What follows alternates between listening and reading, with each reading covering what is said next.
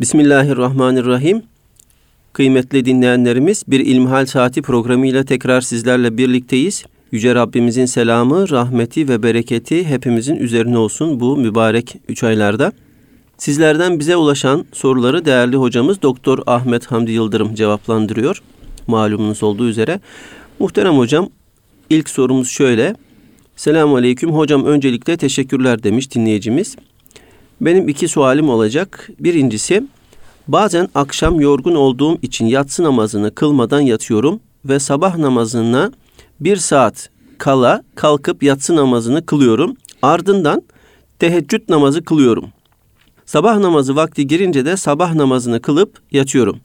Yatsı namazım bu şekilde olur mu? Bu birinci sorusu. İkinci sorusu da şöyle. Sabah evden çıkarken iki rekat namaz kılmak istiyorum. İş yerinde pek imkanım olmuyor fakat bazen güneş doğduktan 30 dakika kadar sonra çıkmam gerekiyor. Yani 45 dakika bekleyemiyorum. İşe geç kalmamak için, kuşluk namazı için illaki 45 dakika beklemek şart mıdır? Elhamdülillahi Rabbil alemin ve salatu ve selamu ala Resulina Muhammedin ve ala alihi ve sahbihi ecmain. Cenab-ı Allah Recep-i Şerifimizi mübarek eylesin. Peşinden gelecek olan Şaban-ı Şerifimizi mübarek eylesin. Ve bizleri Ramazan-ı Şerif'e hayırlısıyla ulaştırsın inşallah. Amin. Hazreti Peygamber aleyhissalatü vesselam Efendimizin Recep ve Şaban ayında çokça yaptığı dualardan bir tanesidir. Allahümme barik lena fi Recebe ve Şaban ve belligna Ramazan. Tabi ayın kendisi mübarek. Recep ayı da mübarek. Efendim Şaban ayı da mübarek. Cenab-ı Allah'ın yeryüzü yaratıldığından beri zaman dilimi olarak tayin ettiği 12 ayın hepsi mübarek aylardır. Bu sözlerimizden kastımız bu aylarda bize bereketli olacak bir takım ameller yapmamız duasıdır. Yani Cenab-ı Allah bizleri hayırlı ameller işlemeye bu aylarda muvaffak kılsın. Bu ayların bereketinden istifade etmeye bizleri muvaffak kılsın. Yoksa ayların kendisi bereketlidir ama siz eğer o bereketten istifade edemiyorsanız bir panayır kurulmuş, bir çarşı kurulmuş, bir pazar kurulmuş ama siz pazara gitmiyorsanız, alışveriş yapmıyorsanız orada oradaki indirimden, oradaki fırsatlardan istifade etme imkanınız olmaz. Dolayısıyla bu mübarek günlerin, bu mübarek ayların fırsatlarından istifade edebilmeyi cümlemize nasip eylesin. Amin. Bu fırsatlardan bir tanesi de bu mübarek ayların gecelerini ibadetle geçirmektir. Gece ibadeti çok önemlidir. Zira Cenab-ı Allah Hazreti Peygamber aleyhissalatü vesselam Efendimiz Hazretlerine inne leke fin nehari sabhan tavila senin gündüzün çok meşguliyetin vardır. Bir döngü içerisindedir gündüz hayatın. Gelenler vardır, gidenler vardır, işin vardır, gücün vardır, aile hayatın vardır, çoluğun, çocuğun vardır, onların rızkını temin için koşturman vardır vesaire vesaire. Ama gece işte herkes hayattan ele tek çektikten sonra, ışıklar söndükten sonra, gecenin karanlığı her yere çöktükten sonra, gözün gözü görmediği o esnada tenhada dökülebilecek bir çift gözyaşı, Allah'a kaldırılan iki el, gündüzün yapamayacağı birçok şeyi yapmaya muktedirdir. Nitekim İmam Şafii Hazretleri de e, büyük şairlerdendir ama fıkıhçılığı, mezhep imamlığı diğer bütün vasıflarının önüne geçtiği için pek bilinmez. İmam Şafii Hazretleri'nin bir şiir divanı da bulunur. O bir beytinde şöyle der. Gecenin oku hedefi şaşmaz der. Sihamul leyli la yuhti. Yani gece yaptığınız dua muhakkak hedefe ulaşır. Ama siz bilemezsiniz. Her duanın bir kabul saati vardır. O duanın burada mı kabul olacağı yoksa ahirette mi kabul olacağı Allah Teala ve Tekaddes Hazretleri'nin malumudur. Binaenaleyh geceleri ihya etmek özellikle de bu aylarda çok önemlidir. Fakat gecenin ihyası denildiğinde ne akla gelmektedir? Burada iki şeye dikkatlerinizi çekmek isterim muhterem hocam. Birincisi gece ne zaman başlar? Hakikaten gece ışıkların sönmesi, gecenin karanlığının çökmesiyle mi başlar? Yoksa biraz uykuya daldıktan sonra yatsı namazını kılıp ki bu nokta önemlidir. Yatsı namazını kılıp biraz uykuya daldıktan sonra kalkıp geceye başlamak mı önemlidir? Ayet-i kerime tetecafa cunubuhum anil madaci'i buyuruyor. Onların yanları yataklarından uzaklaşır buyuruyor. Binaenaleyh gece hayatının en makbulü yatsıyı kıldıktan sonra yatmak ve ondan sonra uykunun tabiri caizse en lezzetli yerinde yataktan kalkmak ve Allah'ın huzuruna durmak. Teheccüd namazı, gece namazı alimlerimizin büyük çoğunluğuna göre yatsı namazını kıldıktan sonra fecirden önce kılınan bir namazdır. Eğer uykudan sonra olursa teheccüd olduğunda ittifak hasıl olur. Ama eğer hiç uykuya yatmadan yatsıyı kılmış, uykusu da yok. Sabaha kadar dinç, namaz kılıyor, Kur'an okuyor. Bu kıldığı namaz gece namazı mıdır? Evet gece namazıdır. Teheccüd müdür? Bunda ihtilaf etmiş alimlerimiz. Bir kısım alimlerimiz demişler ki madem gece kılınan bir namazdır, yatsıdan sonra kılınmıştır, teheccüddür. Yatsı namazı ifadesini özellikle kullanıyorum. Şundan dolayı kullanıyorum. Çünkü namazların vakitleri var. Yatsı namazının vakti biliyorsunuz akşam namazının vakti çıktıktan sonra başlar. Vitir namazının vakti yatsı namazının vaktiyle aynıdır. Ancak önce yatsı namazını kılmak gerekir. Bir adam nasıl olsa vitrin vakti de yatsının vaktidir diyerek önce vitri kılayım sonra yatsıyı kılarım derse kıldığı namaz vitir namazı olmaz. Onun için önce yatsı namazını kılması gerekir. Nitekim işte önümüzdeki aylarda hemen Recep'in peşinden Şaban, Şaban'ın peşinde de Ramazan-ı Şerif ayını idrak etmiş olacağız. Bu ayda teravih namazı kılıyoruz. Teravih namazının vakti ne zamandır? Yatsı namazından sonradır. Bir kimse geç kalmış olsa cemaate, camiye geldiğinde cemaatin teravih namazını kılıyor olduğunu görse, tenhada önce bir yatsı namazının farzını kılması, ondan sonra teraviye başlaması gerekir. Aksi halde kılmış olduğu namaz nafile bir namazdır ama adına teravih denmez ve teravih namazı için tahsis edilen mükafat o kıldığı namaza vurmuş olmaz. Binaenaleyh namazlar arasındaki bu tertip önemlidir. Bu yüzden yatsı namazını kılmış olmasına vurgu yapıyoruz. Bu yönüyle de özellikle kardeşlerimize eğer tabi çok yorgunsa insan Basri hocam yani ayakta sendeliyor, ağzından çıkanı kulağı duymuyor. Bu halde namaz kılmak da doğru değil. Çok yorgunsa elbette bu kardeşimizin yaptığı gibi 2-3 saat istirahat eder. Ondan sonra dinç bir şekilde kalkar, yatsı namazını kılar. Birkaç rekat nafile namaz kılar. Peşinden yine bir 15 dakika, 20 dakika, yarım saat, bir saat duruma göre yatması tavsiye edilir. Sonra kalkıp kıldığı ittifakla teheccüd namazıdır ve çok önemli bir namazdır.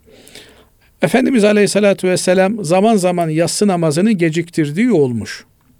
Fakat yatsı namazını son üçte birlik dilime bırakmak doğru değil. İyi görülmemiş. Gece üçe kadar yatsı namazını kılabilirsiniz. Yani çok yorgun geldiniz, e, işiniz bitti, onda eve geldiniz ama yorgun, argın böyle takatiniz kesilmiş. Bu vaziyette namazı kılmak da doğru değil. Yattınız ondan üçe kadar e, istirahat ettiniz. Üçte kalktınız, yatsı namazını kıldınız. Üç buçukta bir daha yattınız. Efendim beşte kalktınız. Beşte kalkarsınız, teheccüd namazınızı kılarsınız. Tesbihinizi çekersiniz. Çünkü Cenab-ı Allah vel mustagfirine bil ashar buyuruyor. Seher vakti istiğfar edenler. işte tam bu saatler seher vakti saatleridir. Bu saatlerde istiğfarda bulunursunuz. Efendim Hazreti Peygamber aleyhissalatü vesselam Efendimiz'e salatu selam okursunuz. Çünkü bu saatler dua vaktidir. Dua vakti olduğu için bu saatlerde Cenab-ı Rabbul Alemin gecenin son üçte biri olduğunda yeryüzü semasına nüzül ettiği rivayet edilmekte. Yok mu dua eden duasını kabul edeyim? Yok mu bağışlanma dileyen onu bağışlayayım? diye nida ettiği rivayetlerde geçmektedir. Duanın da en faziletlisi Basri Hocam Hazreti Peygamber aleyhissalatü vesselam Efendimiz'e yapılan duadır. Salatu selam da bir duadır. Efendimiz aleyhissalatü vesselama yüce makamlar dilemektir. Binaenaleyh bir kimse Hazreti Peygamber'e bir defa salatu selam okumuş olsa Hazreti Peygamber aleyhissalatü vesselam Efendimiz buyuruyor ki Allah ona on defa salat eder. Allah'ın salat etmesi demek Allah'ın ona rahmet etmesi, onu bağışlaması anlamına gelir. Bu yönüyle de hakikaten Hz. Peygamber aleyhissalatü vesselam Efendimiz'e istiğfarda bulunmak, hem istiğfa, e, salatü selam okumak, hem istiğfarı hem de Cenab-ı Allah'a yapacağımız duaları beraber ifade etme sadedinde çok önemlidir. Kaldı ki biz kendimiz için bazen ne isteyeceğimizi takdir etmekte de yetersiz kalabiliyoruz. Bazen bakıyorsunuz lüzumsuz şeyler aklımıza geliyor. Ya Rabbi araba ver, Ya Rabbi ev ver, Ya Rabbi şunu ver, bunu ver. Bazen bu istediğimiz şeyler başımıza bela oluyor daha sonradan. Bir kimseye bakıyorsunuz mesela böyle hasretle Allah'ım bana evlat ver, erkek evlat ver, yanıyor, yıkılıyor. E sonra bakıyorsunuz ki 60-70 yaşına geldiğinde o yana yakıla istediği evlat ona musibet olarak dönmüş. Onun felaketine sebep olmuş. Allah muhafaza eylesin. Onun için Cenab-ı Allah'tan her şeyin hayırlısını istemek lazım. Evladı da isterken Allah'ım senin yolunda sana hizmet edecek bir evlat bana lütfeyle. Çünkü bir anne baba için ne büyük bir sıkıntıdır. Hele bugünlerde görüyoruz maalesef çocuklarda, gençlerde eğitimin eksikliğinden dolayı eskiden köy hayatında içerisindeydik. Fazla bir şey görmüyordu kimse. Köyün içerisinde kötülük olarak görülebilecek pek bir şey yoktu. Ama şimdi öyle değil. Herkesin elinde bir ekran var. Bu ekran adeta deccal gibi bir cehennem hayatını cennet olarak insanlara sunuyor. Ve herkes onun zebunu olmuş, müşterisi olmuş durumda. Kimin ne izlediğini, ne seyrettiğini kontrol etmek de mümkün değil. Çoluk çocuğun elinde bir müddet sonra bakıyorsunuz fikirlerde değişmeler başlamış, zihinler değişmeye başlamış. O Müslüman anne babanın evladı farklı vadilerde dolaşmaya başlamış. Bir müddet sonra da o gördüğü hayatı yaşamasına İslamiyetin engel olduğunu, ayağına bir paranga olduğu düşüncesine kapılmış. Bu yönüyle de Allah muhafaza etsin. Ben dinden çıkıyorum diyenler, ben işte ateist oldum, deist oldum diyenler bir takım güruhlar ortaya çıkıyor. Binaenaleyh evladı isterken de Allah'ım senden sana ibadet edecek, sana kulluk edecek, ve ben öldükten sonra da bana hayır duada bulunabilecek bir evlat istiyorum diye evlat istemek lazım. İstediğimiz her şeyi bu yönüyle Cenab-ı Allah'a kulluğumuzun bir uzantısı olarak istememiz lazım. Ya Rabbi senden servet istiyorum.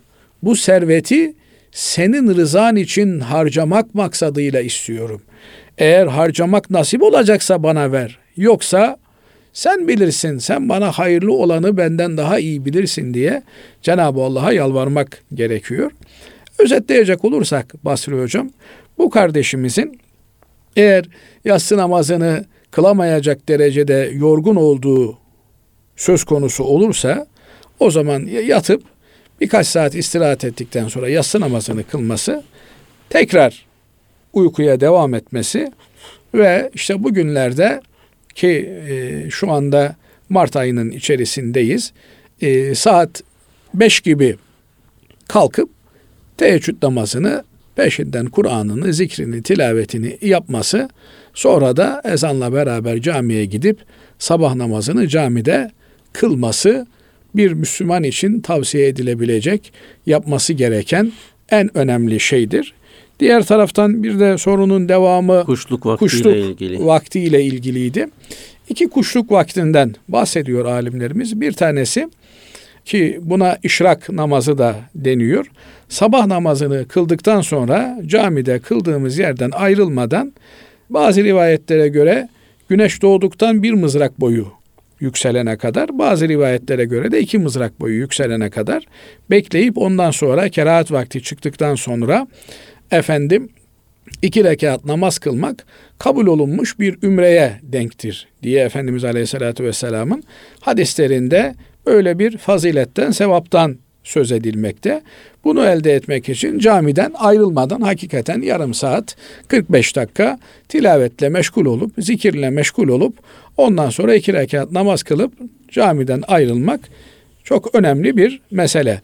İkinci kuşluk diye bildiğimiz duha namazı olarak hadis-i şeriflerde geçen namaz ise öğle namazına iki saat kala takriben veya üç saat kala başlayan yani tam güneşin böyle en etkin olduğu saatler saat 11 gibi işte bugünlerde bahsedecek olursak 10.30 11 gibi bu bugün itibariyle 12.30'a kadar devam eden zaman içerisinde kılınan 4 2 4 6 rekat veya 8 rekatlık namazlardır. 2 rekat asgarisi 8 rekata kadar kılınabilmekte. Efendimiz Aleyhisselatü Vesselam insan vücudunda 360 mafsal olduğunu, eklem olduğunu ifade buyurmakta ve her bir eklem için insanoğlunun bir sadaka vermesi gerektiğini. Binaenaleyh eğer her bir eklem için yani 360 kez sadaka verebiliyorsa ki bir Müslümana güler yüzle yaklaşmak, birinin selamını güler yüzle almak, birinin ihtiyacını görmek, efendim bunların hepsi sadaka. Birine 10 lira 20 lira bir yardımda bulunmak bunların hepsi sadaka. Ama Efendimiz Aleyhisselatü Vesselam buyuruyor ki kuşluk vaktinde kıldığınız kuşluk namazı o 360 eklem için vermeniz gereken sadakanın karşılığı olur. Binaenaleyh hocalarımız, selefi salihim, güzel insanları bu namazı kılmayı ihmal etmemişler. Efendimiz Aleyhisselatü Vesselam'ın sünnetini ihya etme sadedinde. E, bunu da insan fırsat buldukça kılmalı. Hayatının programlarken efendim işte saat 11'de 11.30'da bir 5 dakika 10 dakika istirahat alıp hani millet çok affedersiniz bir takım ihtiyaçları için istirahat alır. Siz de işte bir 5 dakika çay molası alacağınıza namaz molası alırsınız. iki rekat, dört rekat durumunuza göre kılarsınız ve o günün tabiri caizse borçlu olduğunuz sadakalarını ödemiş olursunuz. Bu kadarla iktifa edelim inşallah. Yani dinleyicimiz 30 dakika olur mu diye sormuştu. Bu söylediklerinizden e, mümkün olmadığını anlıyoruz. Ee, aksine mümkün olduğunu anlıyoruz ama biz en ideal şeklini söylemiş olduk. Yani bu camide namazı kılıp oturduğumuz yerden kalkmadan bu e, işrak namazını kılmak asıl faziletli olan ama bir şeyin tamamen elde edilmesi mümkün değilse bütünüyle terk edilmesi de gerekmiyor. Dolayısıyla bu kardeşimiz eğer evinde namazını kılmış diyelim. Vakit çıktıktan sonra bir yarım saat sonra iki rekat namaz kılar öyle evinden ayrılmış olur. İnşallah o da kabul olmuş. Ee, yani muhakkak kıldığımız namazlar Cenab-ı Allah nezdinde kabuldür. Eğer Allah için kılıyorsak. Evet eksiğimiz gediğimiz elbette vardır. Ama riya olmadığı sürece bütün ibadetler Cenab-ı Allah katında makbuldür inşallah. Bu kardeşimizin kıldığı namaz da makbuldür ama bu işrak yerine geçer mi geçmez mi ideal olanını ifade ettik. E, neticeyi Cenab-ı Allah'a havale etmekten başka yapacak bir durumumuz söz konusu değil. Allah razı olsun hocam. Şimdi ikinci sorumuz şöyle. Değerli hocam 3 aylarda oruç borçlarımı tutmak istiyorum. Bazen sabah kalkınca niyet ediyorum. Ramazanda sabah da niyet edebiliyoruz galiba. Borçlar için imsak vakti girmeden niyet edilmeli diye duydum. Biraz açıklar mısınız bu konuyu? Evet Ramazan-ı Şerif ayı oruç ayı olduğu için yani o ayda bir de biliyorsunuz bir günde bir tane oruç tutabiliyoruz. Yani Ramazan-ı Şerif'te başka bir oruç tutma imkanımız yok. Evet. Böyle olunca Ramazan-ı Şerif'te tutulabilecek bir oruç var. Siz onu Ramazan orucu diye tayin etmeseniz de sahura kalktığınız sürece oruç tutuyorsunuz. Yani daha doğrusu Ramazan orucunun aksi bir durum söz konusu olmadığı sürece Ramazan orucu olarak tutmaya devam ediyorsunuz. Ancak bir adam ben bugün tutmayacağım, tutmamaya niyet ediyorum derse Allah muhafaza etsin. Bir Müslüman ben bugün imansızlığa niyet ediyorum diye bir şey yapmayacağı gibi ya bu kadar tehlikeli bir şey yani ben bugün oruç tutmamaya niyet ediyorum diye de bir şey söz konusu olmaz. Bir Ramazan ayında sadece Ramazan orucu tutulur. Onun dışında bir oruç tutmak mümkün değil. Böyle olunca niyet meselesi daha geniş anlamda değerlendirilmiş. Binaenaleyh e, siz aksine bir şeye niyet etmediğiniz sürece Ramazan orucunu tutuyor kabul edilirsiniz. Ama sair vakitlerde takdir edersiniz ki envai türlü oruçlar söz konusu. Bu oruçlardan hangisi olduğunu vaktin başında tayin etmeniz gerekiyor. Şöyle söyleyeyim. Mesela öğle namazını kılacaksınız. Öğle namazında tekbir getirmeden önce Ya Rabbi niyet eyledim öğle namazının farzını kılmaya diye Allah rızası için deyip tekbir alırsınız. Böylelikle öğle namazının farzını kıldığınız belli olur. Ama siz Ya Rabbi namaz kılmaya niyet ettim diye tekbir alır. Birinci rekatı bitirdikten sonra ya Rabbi bu kıldığım öğle namazının farzıdır bak belirteyim diye içinizden geçirirseniz bu öğle namazının farzına dönmüş olmaz. Çünkü niyet adı üstünde amelden önce gerçekleştirilmesi gereken bir şeydir. Binaenaleyh nasıl düğmeye bastıktan sonra lamba yanıyorsa aynı şekilde niyeti yapmanız peşinden de amelin gelmesi gerekir. Bu mesele birden fazla opsiyonun olduğu, tercihin olduğu meselelerde böyle olmalı. Fakat sadece bir tercihin olduğu yerde sizin oruca niyet etmiş olmanız veya oruca aykırı bir hareket içerisinde bulunmamış olmanız yeterli kabul ediliyor. Mesela vaktin farzını kılmaya niyet ettim dese biri, öğle namazı girmiş olduğu halde, onun adını öğle namazı diye tayin etmesine gerek yok. Vaktin farzı öğlenin farzı demektir. Fakat efendim yarın perşembe orucunu tutacak olan bir kimse eğer bunu kazaya kalmış bir orucunu tutmak niyetiyle tutacaksa imsaktan önce yani vakit başlamadan önce Ya Rabbi niyet eyledim. En son üzerime kazası kalmış olan o Ramazan orucunu tutmaya diye niyet etmesi gerekir veya üzerime kazası kalmış olan ilk Ramazan orucunu tutmaya niyet ettim diye ya sondan ya baştan temizleyerek gelmesi mümkün. Ama asıl olan aslında tutamadığı bir oruç varsa mesela söz gelimi 1430 Hicri senesinin Ramazan-ı Şerif'inin 15. gününü yolculuk sebebiyle tutamamıştım ya Rabbi. O günü kaza etmeye niyet ettim diye herkesin aslında ibadet defterinde böyle bir ajandasının olması gerekir her bir e, Müslümanın. Burada ibadet takviminde kazaya kalmış olan ibadetleri varsa Allah muhafaza eylesin. Efendim yemin yapmış, yeminini bozmuş, bir e, şey işlemiş, ondan sebep bir kefareti varsa böyle bir ibadet takviminin olması, ibadet defterinin olması öldüğünde de o deftere bakılarak işte bu kimsenin şu kadar oruç kazası kalmış, şu kadar kefaret borcu kalmış vesaire onun üzerinden borçları ödenmeli. Fakat maalesef birçok Müslüman ahiret meselesini ötelediği için sanki hiç ölmeyeceğimizi düşünüyoruz. Oysa bir hadis-i şerif buyuruyor ki yarın ölecekmiş gibi ahirete hiç ölmeyecekmiş gibi dünyaya çalış. Biz tam tersini yapıyoruz. hiç ölmeyecekmiş gibi ahirete, yarın ölecekmiş gibi dünyaya çalışıyoruz. Yani şu anlamda yani yarın vakit gidiyor işte bir an önce dünyalık toplayalım telaşındayız. Halbuki mübarek ne topluyorsun? Bunun yarını var, öbür günü var, seneye var, öbür seneye var, on sene sonrası var.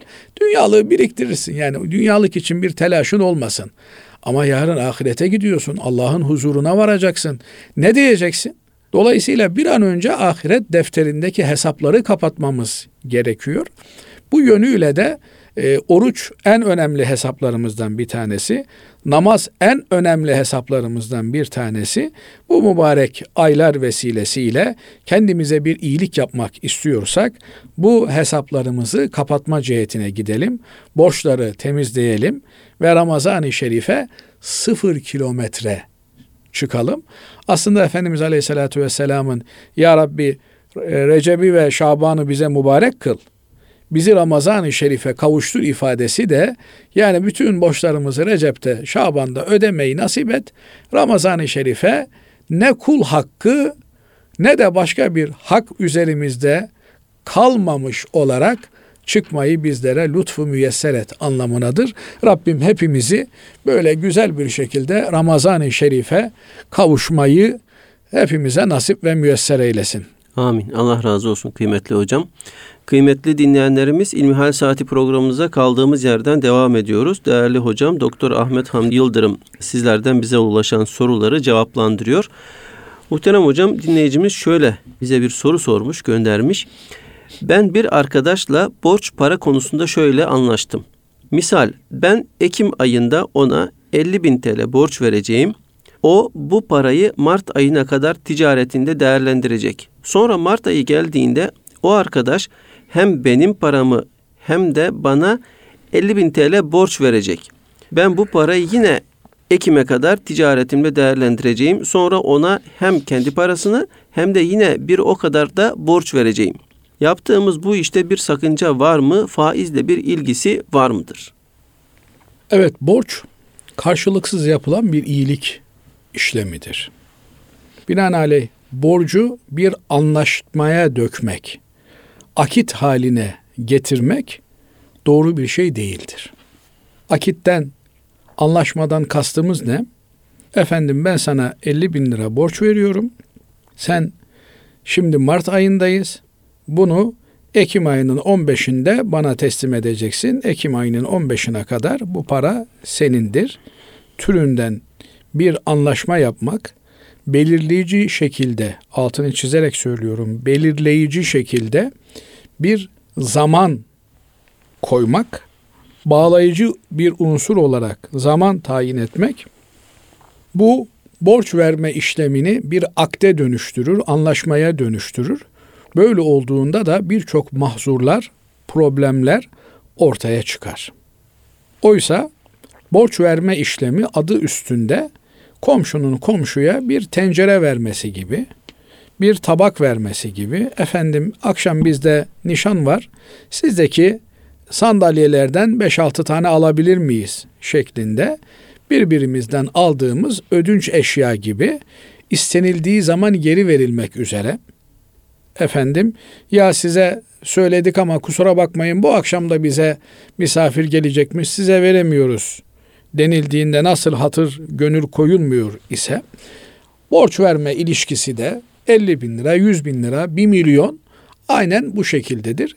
Bunun bir karşılığa dökülmesi ise yani zamanın bağlayıcı bir unsur olarak belirtilmesinin yanında bir de ben sana veriyorum sen de bana vereceksin şekilde karşılıklı bir muavaza aktına, ivazlaşma, ben veriyorum sen de şunu vereceksin şeklinde bir şeye dönüşmesi bunun adına siz borç deseniz de bu bir alışveriş haline gelir.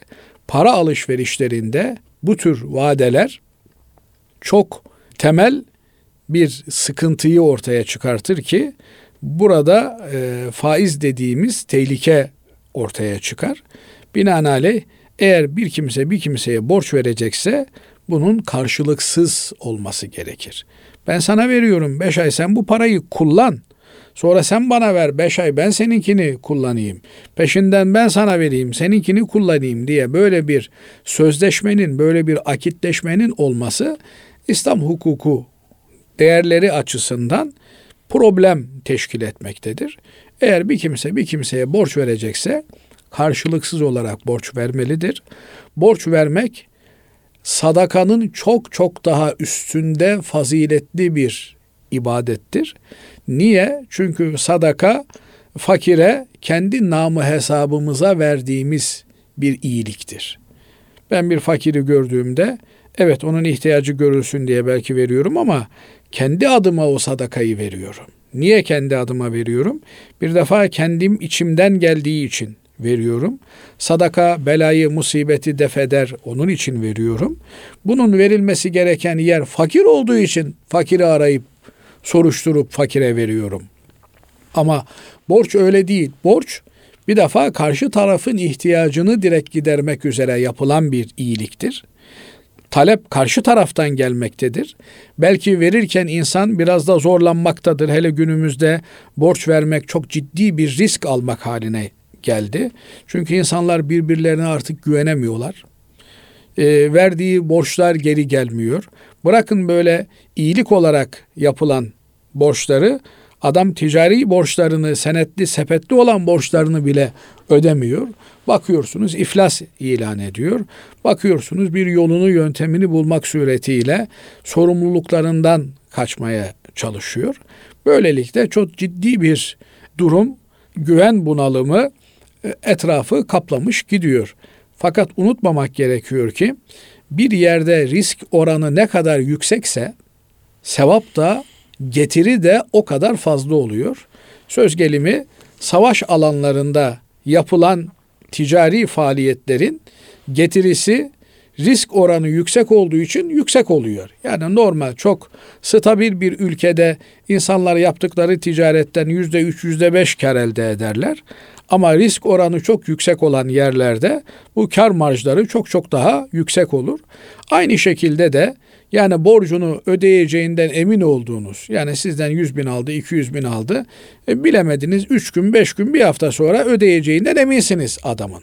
Ona verdiğiniz bir borçla ya bunu veriyorum bunun işi görülsün ama geri gelir mi gelmez mi pek şüpheliyim diye verdiğiniz bir borcun getirisi elbette o oranda yüksek olacaktır. Unutmamak gerekiyor ki biz borç verdiğimizde borcu ilgili muhataptan önce Cenab-ı Allah'a vermiş oluyoruz. Men zellezî yukridullaha kardan hasene. Karda hasen, karşılıksız borcu Allah'a kim verecek diyor Cenab-ı Allah. Binaenaleyh bir Müslümanın ihtiyacı görülsün. Adam dara düşmüş. Efendim çocuğuna ilaç alacak, ek, evine ekmek götürecek. Bir kimse ticaretinde işleri yoluna gitmemiş. İflasın eşiğine gelmiş. Efendim ekmek teknesi batmak üzere olan bir kimseye hakikaten bir omuz verip onu sahili selamete çıkartmak mümkünse bunu yapmak en önemli ibadetlerden bir tanesidir. İçtimai ibadet dediğimiz yani bireysel ibadetin çok çok fevkinde bir hadisedir. Zira bir borçlu kimseyi bu anlamda bir esnafı, bir ticaret erbabını sahili selamete yani güvenli bir kıyıya çıkartmaya vesile olduğunuz zaman sadece onu kurtarmış olmuyorsunuz Basri Hocam onun ilişkide olduğu belki de yüzlerce insanı da bu vesile kurtarmış oluyorsunuz. Çünkü bu bir dinamo taşı gibi bir kişi iflas ettiğinde onunla ticaret yapan herkes etkileniyor. Belki onlarca insanın da bu yüzden iflas etmesi söz konusu oluyor. Böyle bir kimseye yapacağınız bir yardım da elbette sadece ona yapılmış bir yardım değil, onun etrafındaki eksenindeki herkese yapılmış bir yardımdır. Binaenaleyh borçlarımızın böyle yüksek getirili sevaplar tahsil etmesi mümkün olduğundan dolayı böyle basit karşılıklarla onu öldürmeyelim. Ama elbette ben bugün durumum iyi, Basri hocama yardım ettim. Yarın Basri hocamın durumu iyi, ben dara düştüm. İnsanlık ve vefa onun da bana yardım etmesini gerektirir. Ama bu vesileyle şunu da söyleyeyim. Bugün mesela düğünlerde, şuralarda, buralarda takılan takıları takmak da caiz değil. Niye?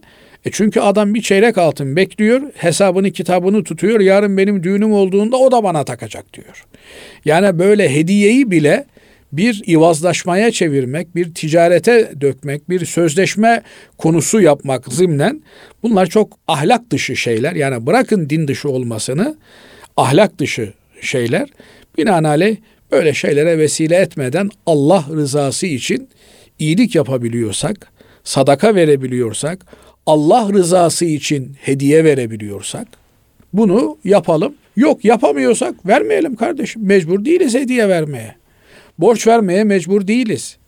Ama veriyorsak bari getirisi yüksek bir usulde bunu yapalım ki hem dünyamız hem de ahiretimiz kazanç görmüş olsun bu sayede.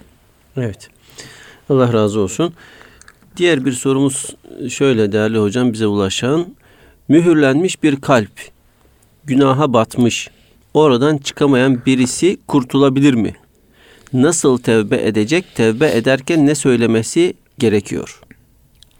Evet şimdi kalbin mühürlenmiş olup olmadığını bizi bilemeyiz. Evet Cenab-ı Allah Kur'an-ı Kerim'de onların kalpleri mühürlenmiştir buyuruyor. Cenab-ı Allah bilir kimin kalbinin mühürlü olup kimin olmadığını. Binaenaleyh bir kimse hayatta olduğu sürece onunla ilgili e, tövbe kapısı açıktır.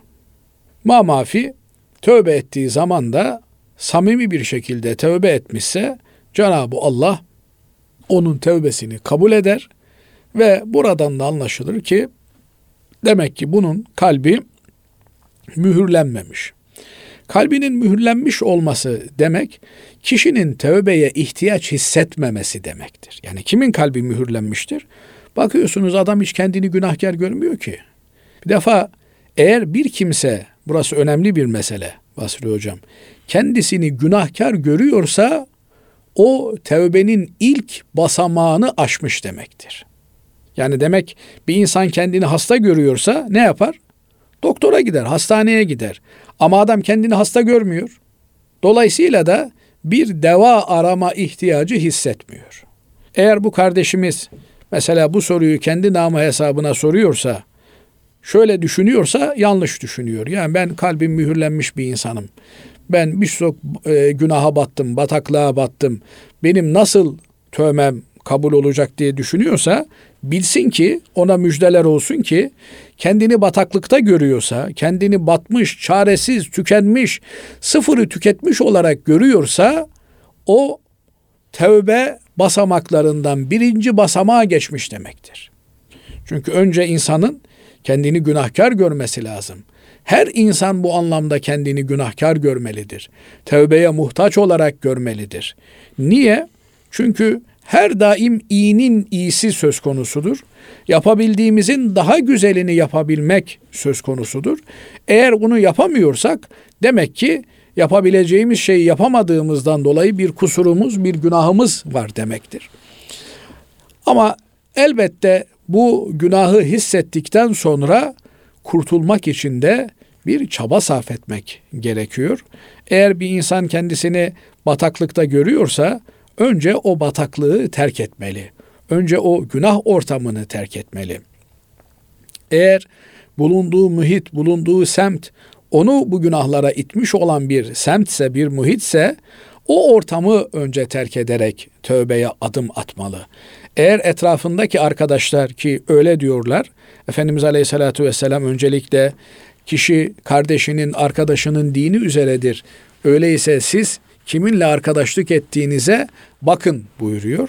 Şöyle bir bakmalı insan etrafında her gün buluştuğu, sohbet ettiği, konuştuğu, selamlaştığı 10 tane insanın ortalamasını almalı ve bu 10 insanın ortalaması olarak kendisini görmelidir.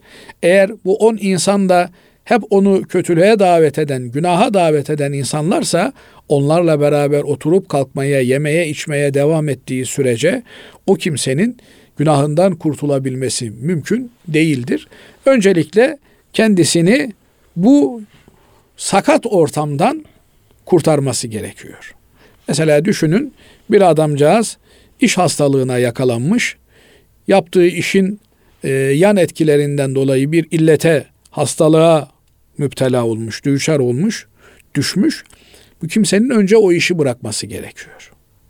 Temiz bir iş bakması gerekiyor. Böyle bir kimse de önce etrafını değiştirmesi gerekiyor.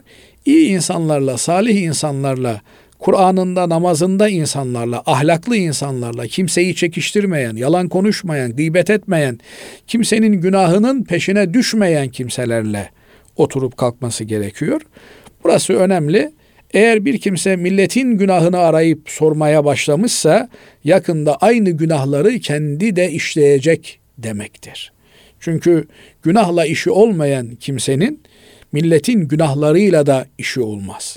Eğer bir kimse şu şunu yapmış, bu bunu yapmış diye eleştiriyormuş gibi birinin öbürünün günahının peşine takılıyor ise bilin ki kendisinin iç aleminde o günahlara karşı bir meyil yatmaktadır. Bu yönüyle hakikaten bir Müslüman kendisi temiz olduğu gibi etraftaki herkesi de temiz olarak bilir. Böyle temiz güzel insanlarla beraber olan bir kimse tövbe etmiş demektir. Onlarla oturup kalktığı sürece o kimse onlar gibi iyi olacak demektir.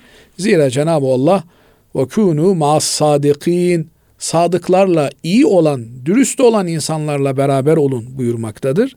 Çünkü ıtır dükkanına giden nasıl oradaki güzel kokulardan üzerine bulaşıyorsa kirpas olan bir yere giden de o kirpasın etkisi altında kalıyor. İyi muhitler, güzel muhitler, iyi insanlar insanlarda iyi etki bırakırlar.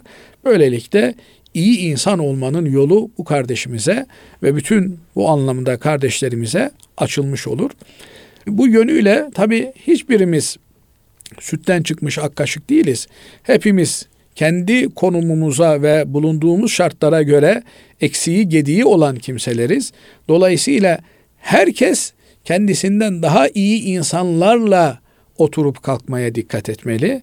Mesela gün geçirmemeli.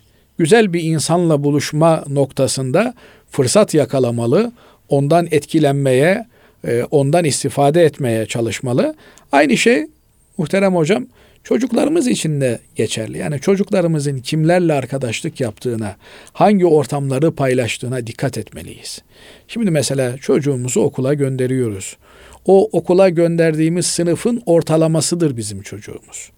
O hangi sınıfta okuyorsa çocuğumuz o sınıftaki velilerin ortalamasıdır bizim durumumuz. Binaenaleyh çocuklarımızın aman ahlakına dikkat edelim. Aman e, dinine, diyanetine dikkat edelim. Çocuklarımızı Müslümanlığa yatkın halde yetiştirelim. Maalesef çevrede görüyoruz. Şimdi o tertemiz çocuklar, pırlanta gibi olan çocuklar, çok güzel annelerin, babaların çocukları bir takım yanlış seçimlerden dolayı gittikleri ortamlarda bakıyorlar ki herkesin bir hayat tarzı var. Herkes o hayat tarzını dikte ettirmeye çalışıyor. Efendim bu çocuklar kendi özgüvenleri eğer kendilerini savunmaya yeterli değilse bir müddet sonra pasif hale geliyorlar, dirençlerini kaybediyorlar ve etkilenmeye başlıyorlar. Ondan sonra da maalesef Allah korusun benzeme ortaya çıkıyor. Bu noktalara aman ha aman dikkat edelim. Yani evet bazen deniyor ki okulların önünde eroin satılıyor, şu satılıyor, bu satılıyor, zehir tacirleri dolaşıyor. Evet ama ondan daha çok iman hırsızları, İslam hırsızları ortalıkta cirit atıyor. Çocuklarımızın imanını, İslam'ını çalmaya çalışıyorlar. Aman ha ne olur bu millet aç kalmaya razı ama dinsiz, imansız kalmaya asla razı değil. Ne olur bu noktada çok dikkat edelim. Tövbe kapısı hepimize sonuna kadar açık.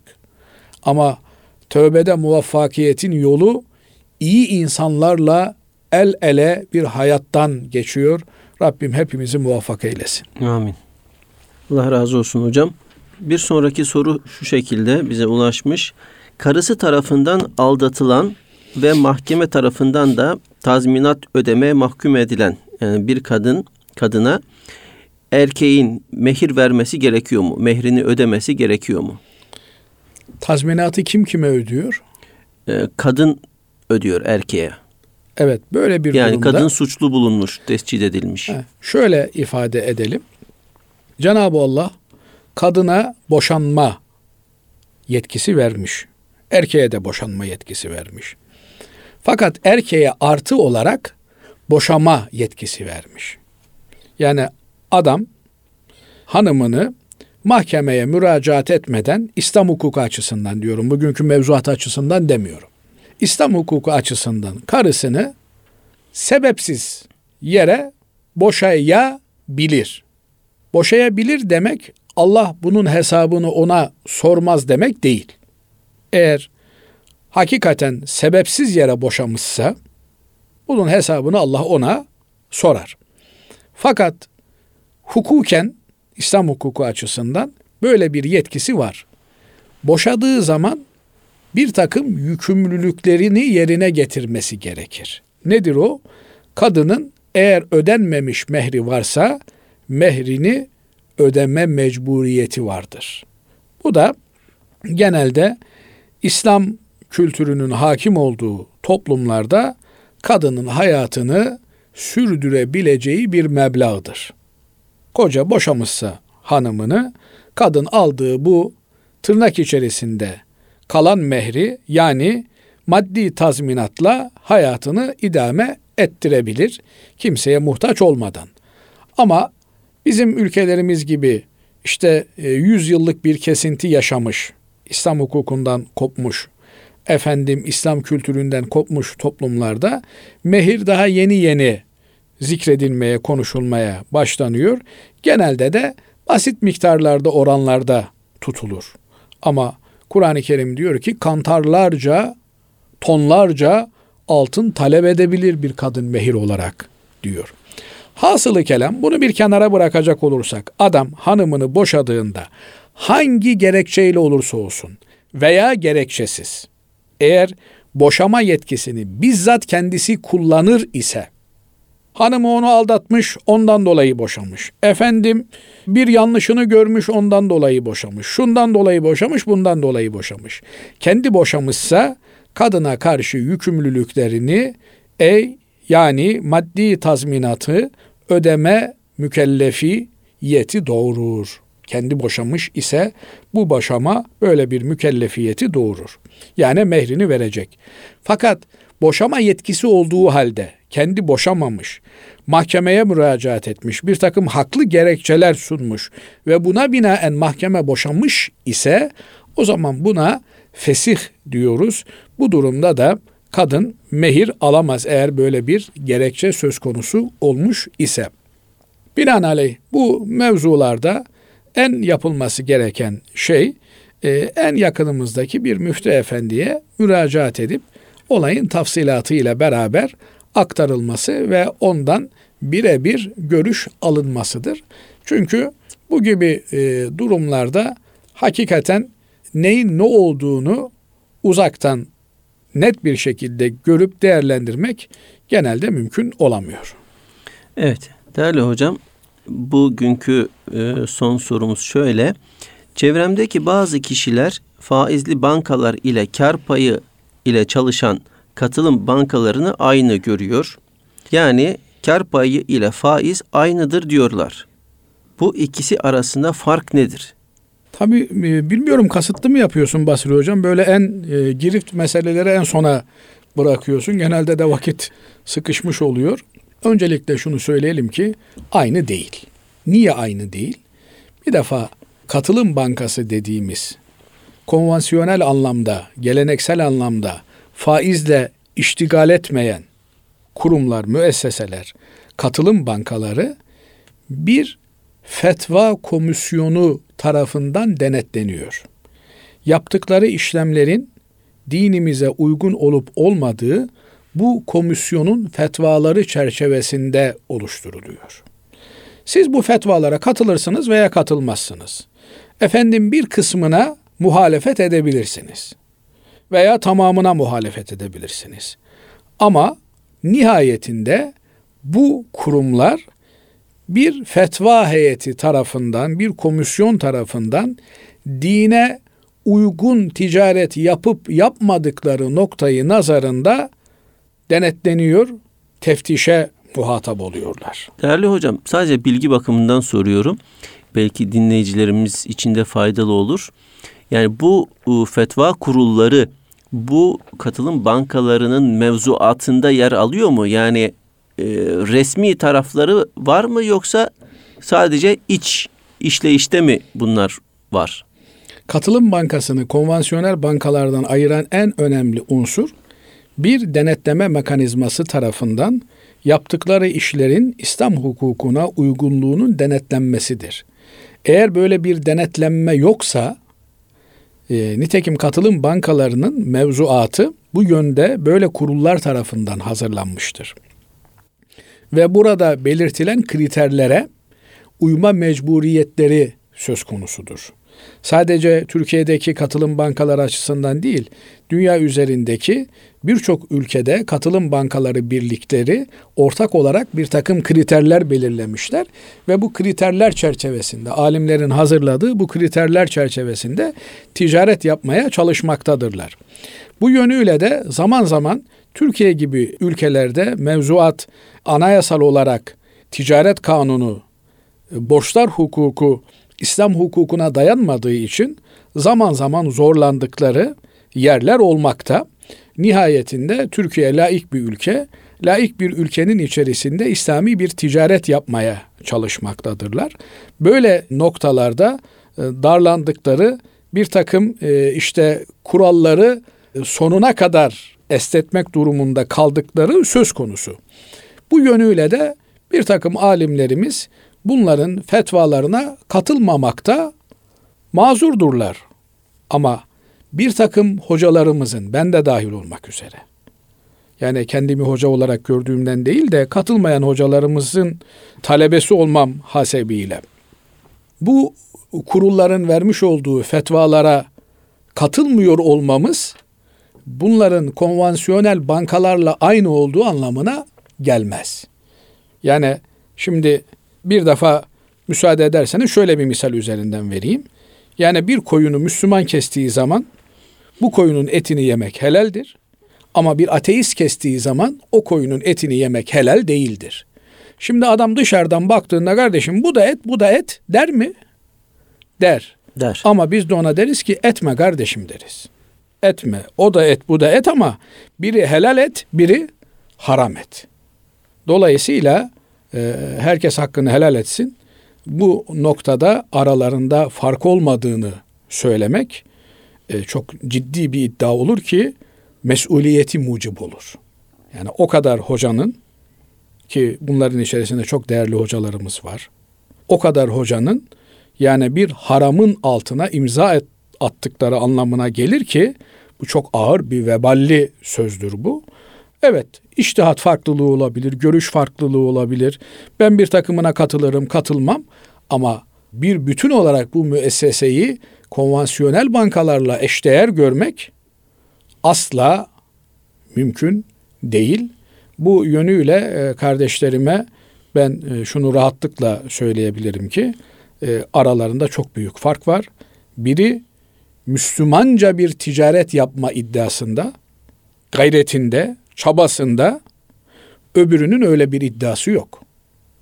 Biri daha fazla kar edebileceği halde İslam Müslüman müsaade etmediği için bereketi zedelenmesin diye karından fedakarlık yapmayı göze alabilirken öbürü bana ne kardeşim para nereden gelirse gelsin ben onu alırım diyen bir müessese bunun ikisini bir tutmak insaf.